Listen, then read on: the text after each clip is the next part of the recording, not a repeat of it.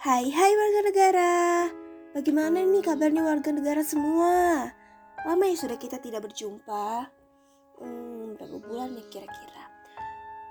Tiga bulan gak sih? Soalnya ini udah masuk bulan Maret Aku doakan di sini semoga warga negara sehat serta bahagia selalu ya. Amin. Kembali lagi bersama aku Puput di Kivik Voice. Tapi wait, di sini aku mengenali nih keluarga negara semua. Kita kedatangan partner baru nih yang nantinya bakal ngisi Kivik Voice di tahun ini. Hai Kak Puput dan warga negara semua Aku Venan, mahasiswa PKN Angkatan 22 Malam ini aku dan Kak Puput bakal nemenin malam warga negara hingga akhir Halo Venan hmm, Jadi di episode kali ini Aku dan Venan akan sedikit ngebahas yang serem-serem. Karena sesuai dengan judul yang kita buat yaitu Time to Story Horror. Nah jadi aku sama Venan ini bakal ceritain nih keluarga negara pengalaman horor yang pernah kita alamin. Betul banget nih kak, malam ini bakal jadi malam yang menegangkan karena kita berdua bakal berbagi pengalaman horor yang pernah aku dan Kak Puput alami. Jadi jangan lupa didengar sampai habis ya warga negara. Oke, mungkin kita bisa langsung mulai aja kali ya Venan. Hmm, yang pertama-tama dimulai dari kamu dulu deh Venan. Ceritain dong keluarga negara semua nih pengalaman horor yang pernah kamu alamin. Jadi kak, perasaanku waktu awal itu takut banget. Jadi uh, aku tuh bisa dibilang nggak bisa lihat tapi peka gitu dan nggak ya bisa ngerasain hal-hal yang kayak gitu. Emang udah berapa kali pernah diganggu. Cuman yang kali ini tuh buat aku sempat jadi beberapa hari nggak bisa tidur dengan tenang. Jadi kejadiannya itu sekitar bulan November tahun lalu uh, saya kan tinggal di asrama nih yang satu kamarnya dihuni sama dua orang nah malam itu teman sekamar saya nginep di luar jadi uh, aku sendiri di kamar awalnya semuanya baik-baik aja sampai sekitar jam 3an saya rasa waktu itu pintu kamarku itu kebuka tapi kondisinya aku masih positif thinking uh, soalnya aku kira itu teman sekamar teman sekamarku yang pulang Uh, jadi aku tanya, tapi kondisinya aku tidur itu menghadap ke dinding, jadi membelakangi pintu. Terus aku nanya lah sama dia, eh kamu udah balik kah? Yang buat aku nggak takut itu dia ngejawab. Dia bilang itu iya, udah. Terus aku tanya lagi dong, siapa yang bukain pagar? Terus dia jawab lagi, dibukain Kak Esther. Jadi Kak Esther itu pengurus asrama ya kak. Uh, pas dia jawab itu suaranya emang mirip banget sama temanku. Jadi ya aku sempat noleh bentar karena itu kondisi kamarnya gelap jadi aku cuma ngeliat kayak bayangan gitu bentukannya mirip banget sama teman kamar aku jadi tanpa pikir panjang dan nggak ngerasa aneh dong jadi aku lanjut tidur sekitar jam 6 pagi aku bangun. Dan aku lihat kok nggak ada ya di kasurnya. Jadi aku lanjut tidur karena aku mikir kayak oh mungkin dia ke toilet. Jadi aku tidur lagi dong. Nah terus sekitar jam 11 pagi 11 pagi ya kesiangan gitulah kayaknya. Itu tiba-tiba dia buka pintu. Dia buka pintu serak dia buka. Terus aku tanya sama dia ke mana aja? Kok pergi lagi pas pagi?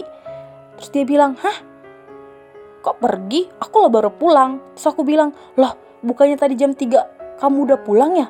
Terus dia bilang enggak kok aku baru pulang dari rumah temennya. Jadi dia tuh nginep di rumah temennya gitu. Terus itu Terus aku bilang, udah gak usah bercanda, bilang aja kalau memang kamu pulang jam 3 kan. Terus dia bilang, kalaupun aku pulang, pasti aku bakal nelpon kamu dong buat bukain pintu pagar. Terus aku mikir, lah iya ya gak mungkin dia nelpon Kak Esther buat bukain pintu. Pasti dia nelponnya aku karena aku teman sekamarnya dia. Nah, di situ aku langsung diem dan baru sadar kalau emang harusnya dia nelpon aku buat bukain pagar.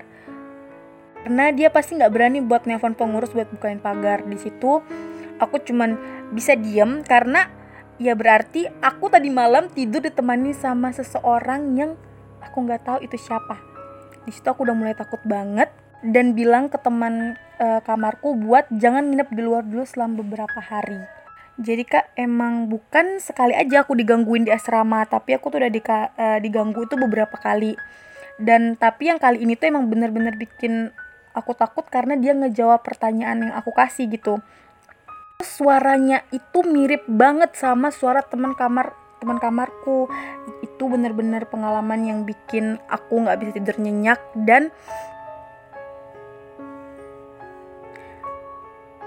dan aku nggak bisa tidur nyenyak itu dan selalu kebangun itu selalu jam 3 pagi selama beberapa hari jadi ya kayak gitulah ya kak cerita horor aku Wah, benar-benar serem ya Fenan ceritamu kali ini. Membuat aku ikutan merinding dan membuat warga negara mungkin yang mendengar juga ikutan merinding.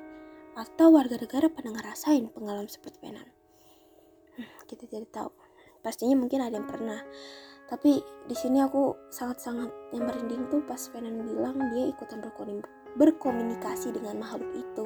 Dan suara makhluk itu benar-benar mirip dengan suara teman Fenan aku tidak bisa mengomen apa-apa lagi karena ini betul-betul serem-serem banget tapi aku kagum sama Venom karena dia cukup berani buat berada di posisi itu. Hebat.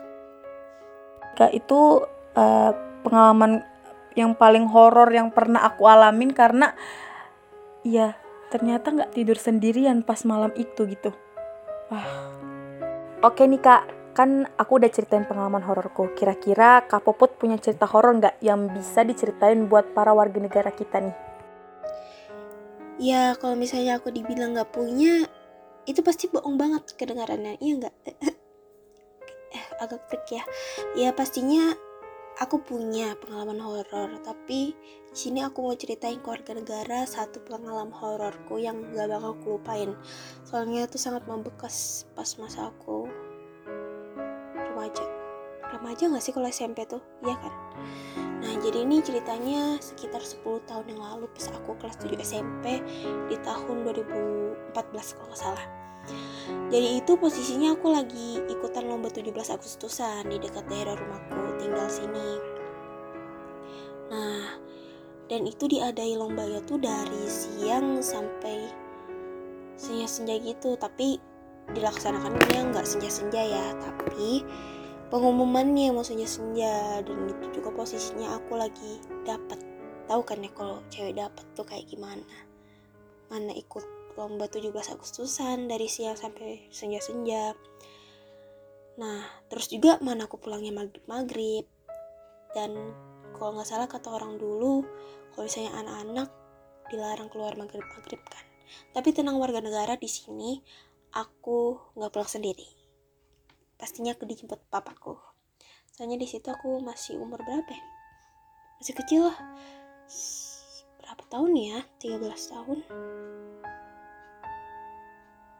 Ya aku lupa banget aku umur berapa. Intinya aku masih kecil lah ya. Um, terus aku tuh posisinya pulang nyampe pulang ke rumah tuh nggak langsung cuci kaki cuci tangan. Padahal biasanya dalam keluarga aku menerapkan hal seperti itu karena takut di luar ada yang nempel gitu. Aku itu posisinya langsung lari ke dalam rumah langsung pamer ke orang tua ke mama kakakku. Aku dapat apa aja nih di 17 Agustusan. Pas itu aku lumayan dapat banyak hadiah sih ada tiga lombaan gitu jadi aku pamer. Nah aku kan sudah makan posisinya jadi aku nggak makan lagi. Di situ tuh aku langsung ganti baju aja gitu loh tanpa tanpa apa ya tanpa cuci kaki cuci tangan ganti baju terus kayak mau ngeringkan badan gitu habis itu mandi 10 menitan. Jadi posisinya itu orang tua aku makan pas aku habis lihat kan aku menang apa aja pokoknya orang tua aku makan sama kakakku aku di ruang tengah aku lagi nonton India pas itu.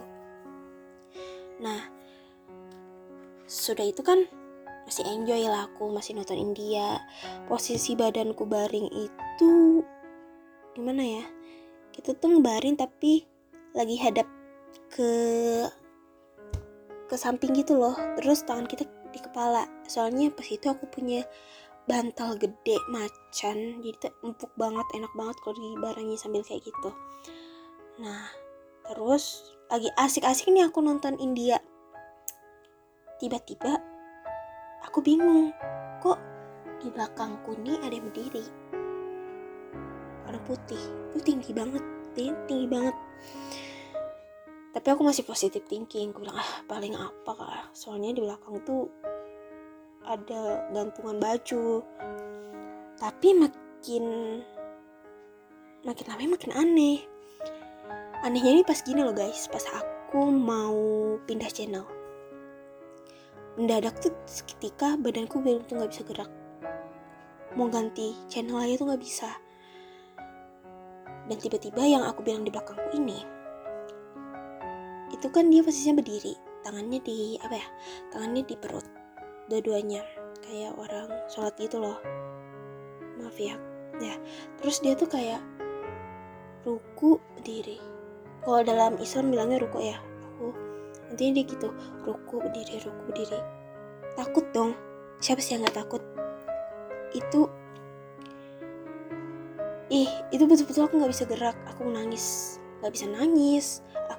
Karena ya nggak nggak bisa bersuara sama sekali. Memanggil mama papa kakak nggak bisa. Aku cuma bisa ngomong dalam hati ya allah kenapa nggak bisa gerak? Aku emang ngapain ya? Aku bisa ngeliat kayak gini? gitu. Nah pokoknya tuh aku dalam hati tuh berdoa nggak bisa jujur di situ aku betul-betul nggak bisa baca apa-apa. Karena betul-betul auto lupa gitu loh semua bacaan. Tapi aku di situ cuma baca surah an-nas sama astagfirullahalazim istighfar terus. Dan itu makin jelas gitu loh. Tapi mukanya nggak jelas. Mukanya hitam semua. Terus kayak berjubah gitu. Aku nggak paham juga. Tapi pas aku gak lama bilang intinya aku bilang di dalam hati itu kayak gini ya Allah tolong itu lumayan lama loh guys. Sampai betul-betul kan ini kan iklan. Dari iklan sampai tuh India tuh ada lagi gitu. Lama banget kan? Aku bilang ya Allah tolong ya Allah. Tolong supaya bisa gerak. Gak lama nggak tahu kenapa tiba-tiba aku kayak kerungkuk gitu loh. Kerungkuk ke depan. Nah itu nggak bisa berdiri. Aku langsung ngesot. Ngesot ngesot ngesot cepat ke dapur. Terus orang tua aku kaget dong posisinya lagi makan lah. Kenapa put? Di situ aku nangis. Aku bilang ke mama papa aku ma tolong tolong puput eh uh, tolong aku kayak gitu saling nangis nangis kenapa kenapa? Aku gak bisa ngomong kan masih dikasih air putih segala macam sama orang tua aku. Baca bacain kenapa? To tolong ada ada putih putih di situ tinggi aku bilang. Nah di situ tiba-tiba papaku langsung ke sana. Terus mamaku kayak tenangin aku. Dia bilang berbacaan berbacaan minum minum. Terus gak lama pas papaku habis ke tulang tengah aku kan posisinya lagi di dapur nih. Papaku bilang gini put tadi kamu pulang cuci kaki cuci tangan enggak aku diam. Enggak. Nah jadi puput cuma lepas baju terus mau nyaringin bentar buat mandi. Pantasan kamu diikutin. Kamu posisinya juga lagi halangan kan? Itu betul-betul aku kayak langsung oh iya ya kenapa ya? Aku nggak cuci nggak cuci kaki cuci tangan dulu. Biasanya aku cuci kaki cuci tangan. Perkara aku cuma mau sekalian mandi itu loh. Jadi aku menunda hal cuci kaki cuci tangan. Ya jadi semenjak dari kejadian itu aku tidak pernah melupakan. Sepeser pun mau siang pagi malam aku keluar aku tetap cuci kaki cuci tangan apa pun yang terjadi. Ya segitu deh ceritanya warga negara. Agak cukup lama ya ini ya. Soalnya itu pengalaman yang benar-benar gak bisa kulupain. Soalnya ih betul-betul.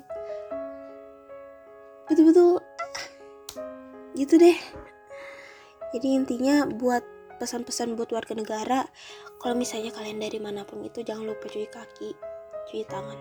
Oke? Okay? wah merinding aku dengernya kak. Takut banget loh. Gimana para warga negara cerita kak Puput ada yang pernah ngalamin juga nggak? Tapi ada pelajaran yang bisa kita ambil loh kalau pulang main sampai maghrib itu harus cuci tangan dan kaki. Karena kita nggak tahu kan apa yang bisa ikut kita pulang ke rumah. Ingat ya warga negara, kalau dari mana-mana itu jangan lupa cuci kaki dan tangan biar nggak ada yang aneh-aneh ngikut gitu. Walaupun pasti sebagian orang nganggap kalau itu cuma mitos atau cerita yang beredaran di masyarakat aja. Tapi nggak ada salahnya kan juga buat kita cuci tangan dan kaki kalau habis dari luar. Yaps, betul banget apa kata Venan. Sebagian orang mungkin menganggapnya ini sebuah mitos. Pulang ke rumah harus cuci kaki cuci tangan. Tapi bagiku sendiri ini bukan mitos, tapi kewajiban. Kenapa? Karena kita nggak tahu dong apa aja yang nempel ke kita pas kita lagi keluar. Jadi aku mau wajibkan semua warga negara di sini kalau pulang ke rumah wajib cuci kaki cuci tangan. Oke, jangan lupa. Oke, karena aku dan Venan udah selesai menceritakan pengalaman horor kita berdua, jadi untuk episode kali ini sampai di sini dulu ya warga negara. Jika warga negara semua suka dengan tema podcast yang kita bawakan kali ini, jangan lupa follow dan like Spotify kita ya. Serta jangan lupa juga follow, like, serta komen di TikTok dan di IG kita. Um, kira-kira di episode selanjutnya aku dan Venan bakal bawain podcast apa ya? Kelas kita bakal bikin podcast-podcast yang lebih menarik buat para warga negara yang bakal nemenin hari-hari kalian semua. Sampai ketemu lagi di podcast selanjutnya dan jangan lupa bahagia selalu warga negara. Bye bye.